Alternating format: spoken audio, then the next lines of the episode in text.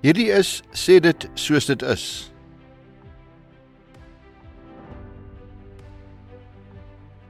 Hallo Tjeu. Môre.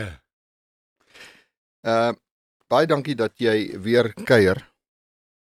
Ehm uh, ek en jy kuier dikwels af van hierdie forum af en dan sit ons ons gesprekke sommer hier voort. Vir die wat uh nog nie Theo ken nie, Theo is die uh president van die SA uh Agri Inisiatief. Uh en dan uh al jou ervarings het jy sal so deur die loop van die gesprek aangespreek word. Ek gaan jou nie oor expose nou in die begin nie. Dankie. Jy ehm um, daar is min ouens wat meer weet van wat in die wêreld en hier in Suid-Afrika in landbou aangaan. Dan mag wees. Ek ken hulle nie noodwendig. Wat is die mees snellende ding nou in landbou? As jy een ding kan uitlig en sê hierdie ding is voor in jou gedagtes vandag. Plaasveiligheid. Ja, veiligheid is altyd in die Suid-Afrikaanse konteks.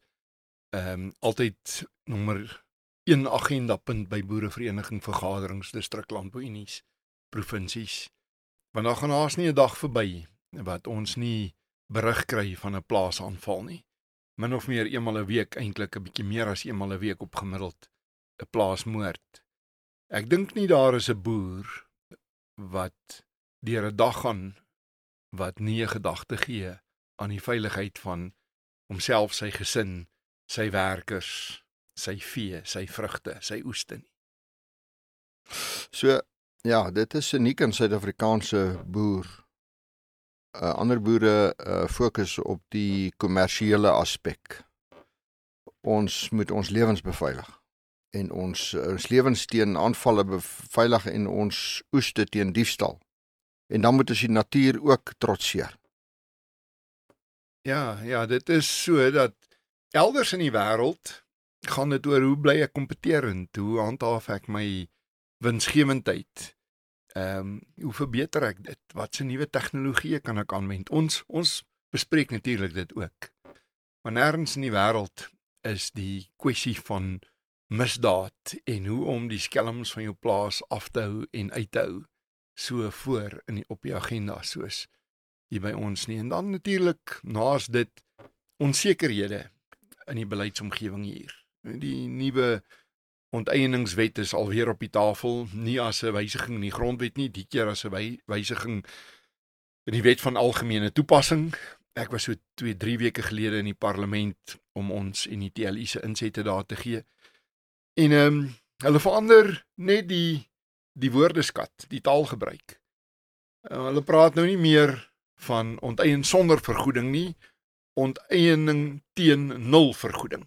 maar die netto effek daarvan is dieselfde. Op die ou end eh, stap 'n boer daar uit sonder dat hy iets gekry het vir sy bates. 'n Ander klemverskywing in die afgelope tyd daar rondom is daar gesê word, luister, dis hom nie nul vergoeding nie. Ons ons vat net 'n baie sterk afslag. Ons ons ons gee jou net 30% of 40% van die waarde van die plaas. Jy weet Gerard, ek ken ek ken die boere in Suid-Afrika redelik. Ek ek ek dink nie ek ken meer as 10 boere wat op 'n kontantbasis boer nie. Ons almal sit ons gronde op as kollateraal by 'n bank as sekuriteit. Alleen nie daarteen. Waar ons vandag staan is landbou skuld ordelik seker so 220 230 miljard rand. En ehm um, die grootste deel daarvan is versekureer teen ons plase. Ongeveer 60 63%. So selfs as jy 60% van die waarde van jou plaas betaal word by onteiening. Dan beteken dit in elk geval nie eers die bank en die koöperasie kry al hulle geld nie. Die boer loop kaalgat uit. En en dit stop dit stop jou krediet. Ja, die handrem word al gaande opgetrek. Ja. Toe ek begin boere, toe kon 'n ou redelik gemaklik 65% van die waarde van jou plaas gaan leen. V vandag kom jy nie maklik meer daarby uit nie. Die banke het lankal hulle risiko verdiskonteer. Wel, laasweek was daar 'n uh, ehm um, uh, bepaalde verwikkelinge uh plaasgevind. Dit was Sondag uh in die koerant uh ek het ek het iewers uh, vlugtig met jou gepraat. Toe sê jy was iewers in uh was jy in Ghana gewees? Uganda. Uganda, Uganda. Toe die koerante jou bel, was jy bewus van die verwikkeling op daai stadium dat dit gaan plaasvind? Ja, kyk die die staatskoerant verskyn gewoonlik in die laaste week van Oktober. Ja. Ehm um, hierdie was eintlik al die derde keer dat die min of meer dieselfde ehm um, regulasies afgekondig is en en uh, hierdie keer het dit bloot gegaan oor sekere voordele in die tariewe wat 'n ou op 'n kwota basis kry vir uitvoere van 'n lysie van produkte na die Europese Unie en die Verenigde Koninkryk. Aanvanklik was dit net een, maar omdat Brexit gebeur het, is daar nou twee afsonderlike staatskoerante. En ehm um, dit gaan daaroor dat 'n sekere volume van van produkte soos byvoorbeeld ingelegde vrugte, versuikerde arbeie, wyn, 'n sap, sapkonsentrate.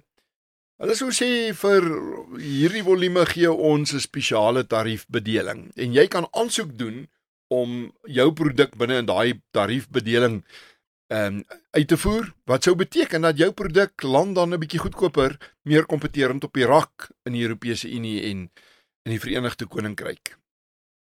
Nou ek weet nie eintlik van een van daai produkte waar ons daai kwota ten volle benut het nie. Dis nie asof ons verskriklik kompeterend is in elk geval op daai markte nie. Maar daar is nou gesê dat jy moet 'n klompie dokumente saamstuur as jy wil aansoek doen vir so 'n kwota. En in een daarvan is jou SEB sertifikaat. Die kleursamestelling van jou besigheid, ja, jou ja. jou plaas. A ander goed is byvoorbeeld jou belasting. Jy moet jy moet wys dat jy op datum is met jou belasting. Jy moet jou CIPC vorm instuur om te sien wat se integriteit van jou jou maatskappy en dies meer. So toe die minister nou sê, hoorie, dis nie so erg nie. Die SEB sertifikaat is eintlik maar net een van die vereistes. Nou hier is hier 'n paar ander ook. Jy weet die ander is nie regtig vergelykbaar nie. So goed sy slaan jy met 'n grashalmpie en dan met 'n blaartjie en dan met 'n wolletjie. en dan slaat sy jy met 'n graaf. En sy sê moenie huil nie, die, graaf is daarom net een van 'n paar goed. die, die feit is dis die ding wat jou kan omslaan. Nou ehm um, toe toe toe dit in die koerant verskyn, het die die Sondagkoerant dit eintlik verkeerdelik aangedui dat dit die eerste keer is dat dit gepubliseer is. Mm, mm. Ons het al verlede jaar. Die indruk is geskep dit kom as 'n groot verrassing, uh, verrassing wat jy sê nie noodwendig so was. Nee, ons het verlede jaar ook met hulle daaroor beklei. Mm. Ehm um, toe hulle dit probeer doen deur die PPECB, die die die ehm um, agentskap wat uh, met vars produkte is uitvoer gemoeid is. En ehm um, die die die blou duiwel het gestaan na daai Sondag publikasie. Die helfte van die boere is baie kwaad dat dit hoegenaamd 'n vereiste is en die ander boere dat daar 'n kwessie oor gemaak word. Ook onder die landbouorganisasies. 'n Klomp van die organisasies sê hierdie is niks niets nie. Hierdie gaan niks ontwrig nie.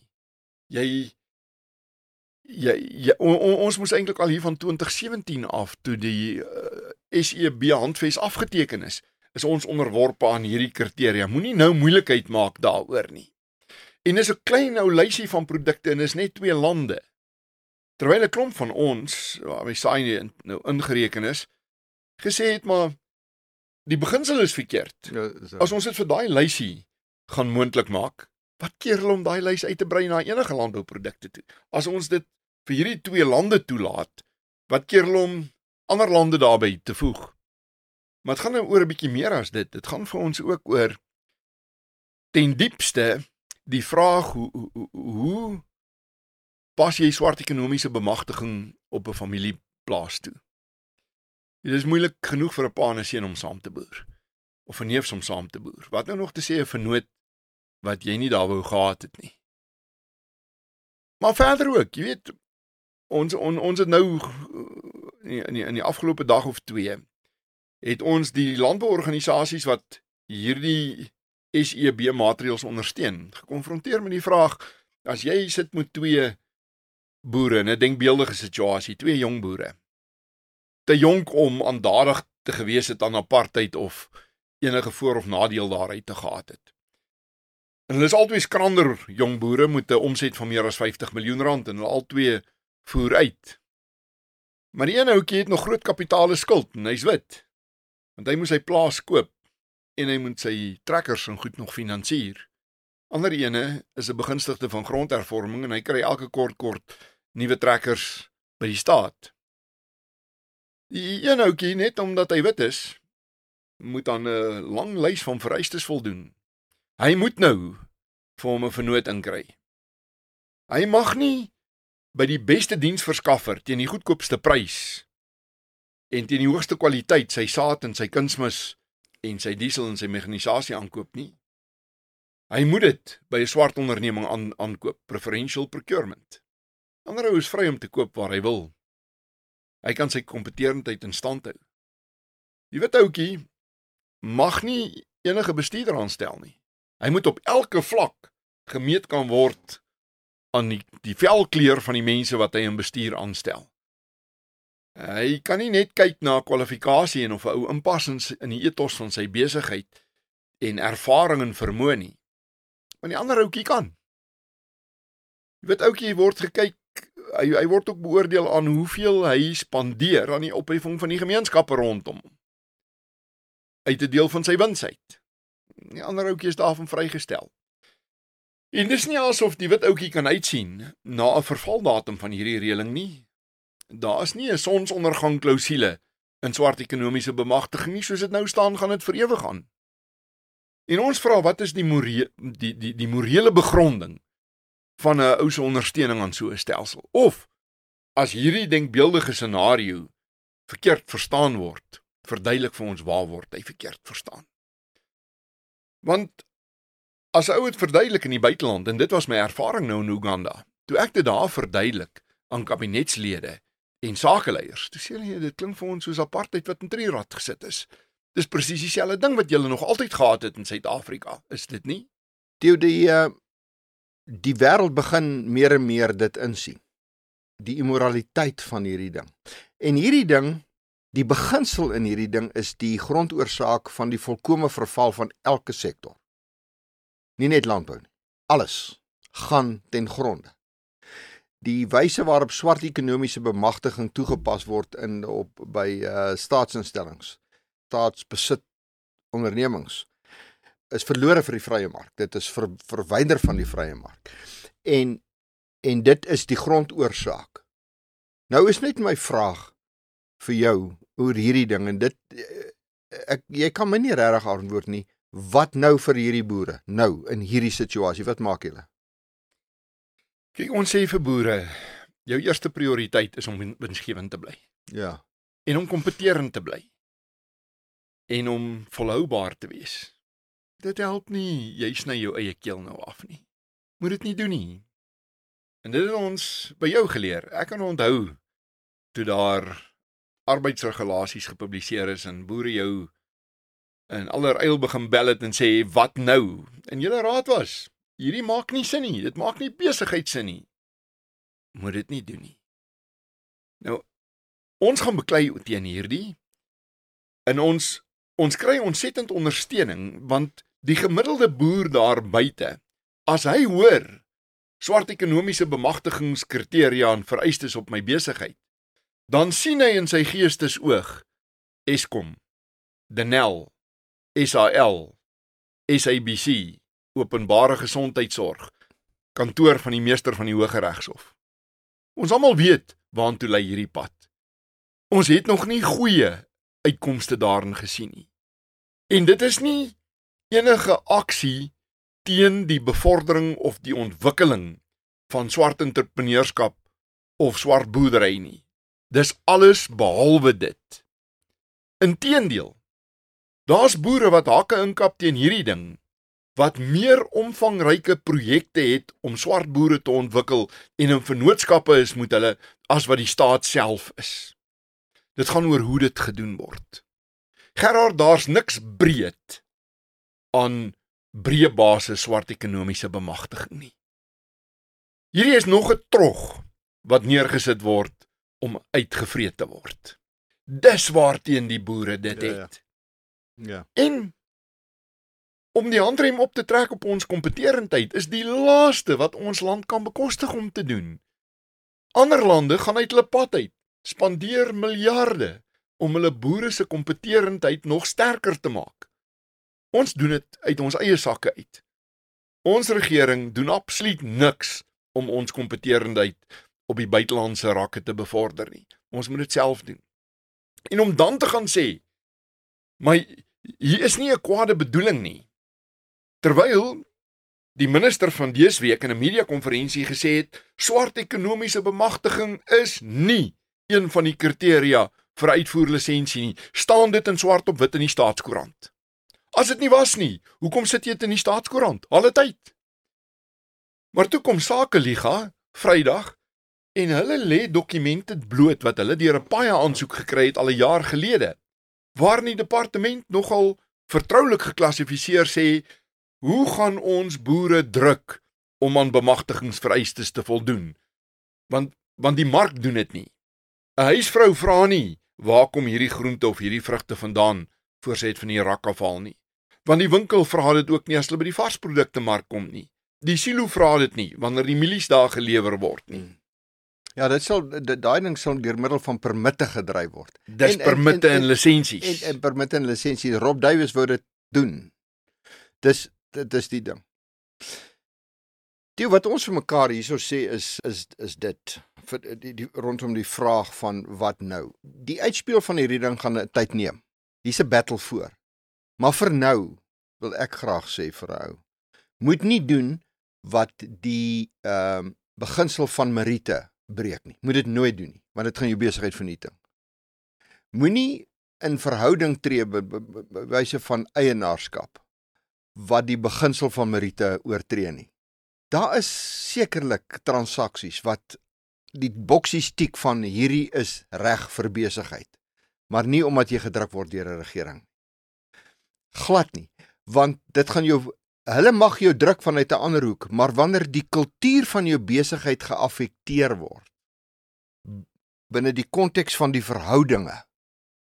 Jy weet daar's niks erger vir 'n sakeman om 'n part 'n 'n 'n vernoot te hê in sy besigheid wat nie sy gewig dra nie. En unequally yoked. Dit breek die moraal af. As dit gebeur, gaan sakemanne verloor in hierdie ding wat in hierdie net vasgevang is, verloor hulle lus vir besigheid. Dis die einde. Dit is die einde. Dit dit gaan dit loop een pas. As jy die oggend opstaan en jy's nie meer lus vir jou partner nie, is dit die begin van die einde van jou besigheid. Ja. Jy kan nie aangaan nie.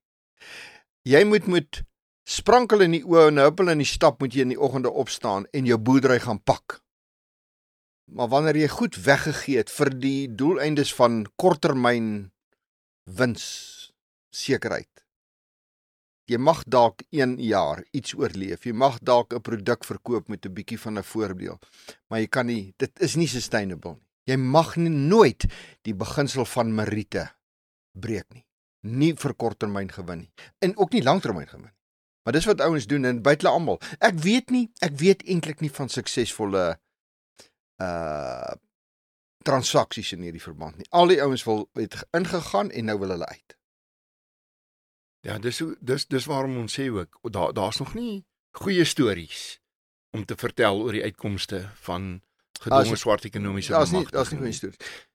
En dit is dis nie 'n geïsoleerde ding hierdie nie. Hy het sy wortels in die landboumeesterplan. Ons nou al groot gevegte deurgestoei het. Die die meesterplan wat tog ons oorhoofse strategie vir landbou is vir die volgende 30 jaar. Wat briljante data het wat dit onder lê. Wat uitstekende wetenskap benut het in die kartering van die pad vorentoe vir vir heelwat van ons waardeketings. Daar's belangrike waardeketings soos wild wat nie daarin is nie. Maar nie een keer in daai meesterplan sal jy die term winsgewendheid kry of volhoubaarheid of doeltreffendheid nie. Maar 91 keer is die term transformasie daarin. Presies. So van ons kant af sê ons net transformasie is nie die belangrikste agenda in landbou nie. As jy water in wyn wil transformeer, dan moet jy eers water hê. Kry eers die sektor winsgewend en volhoubaar en doeltreffend en kompeterend. En dan gesels jy oor Hoe trek jy mense van kleur ook in die hoofstroom daarvan in? Maar wanneer jy 'n uh, uh volhoubaar boer vind transformasie plaas op verskeie maniere. Dit vind dis dit is wanneer wanneer die gety uh styg so John F Kennedy gesê wanneer die gety gety styg dan uh lig dit al die skepe op. Ja. Uh winsgewendheid het 'n het het 'n voordelige effek vir almal. En ouens hou nie van ryk mense nie, ons het baie ryk mense nodig. Dis wat jy doen. Theo, ek gaan hierdie gesprek net hier stop. Want ons gaan dit op 'n ander forum weer hervat. Ek dink wat ons nou gesê het, eh, stem ek en jy oor een nie saam in terme van hierdie gesprek. Moenie vir korttermyn gewild skrik en 'n ding doen wat jy nie moet doen nie. Nou nou nou nou kan jy nie bekostig om jou weer uit die moeilikheid uit te koop nie. Ja, jy, jy as jy as jy die ding dit is as jy eers swak is, is dit verby. Jy mag nie die beginsels van die vrye mark en die beginsel van Marite in enige opsig ooit prysgee nie. Dit moet doeteenvoudig weerstaan word. Die mark jy sal die ou wat aan hierdie goed oorgegee het met dekades oorleef. Jy kan nie daartoe gee nie is ons aan idemode. Absoluut. Baie dankie. Theo baie dankie. Ek sny hierdie gesprek met jou en my vandag kort. vir want ons het so baie om te sê. Ons gaan nie vandag hier kan klaarmaak nie. Dankie Theo. Dankie, dankie dat 'n voorreg om weer met jou te gesels hier. Baie dankie.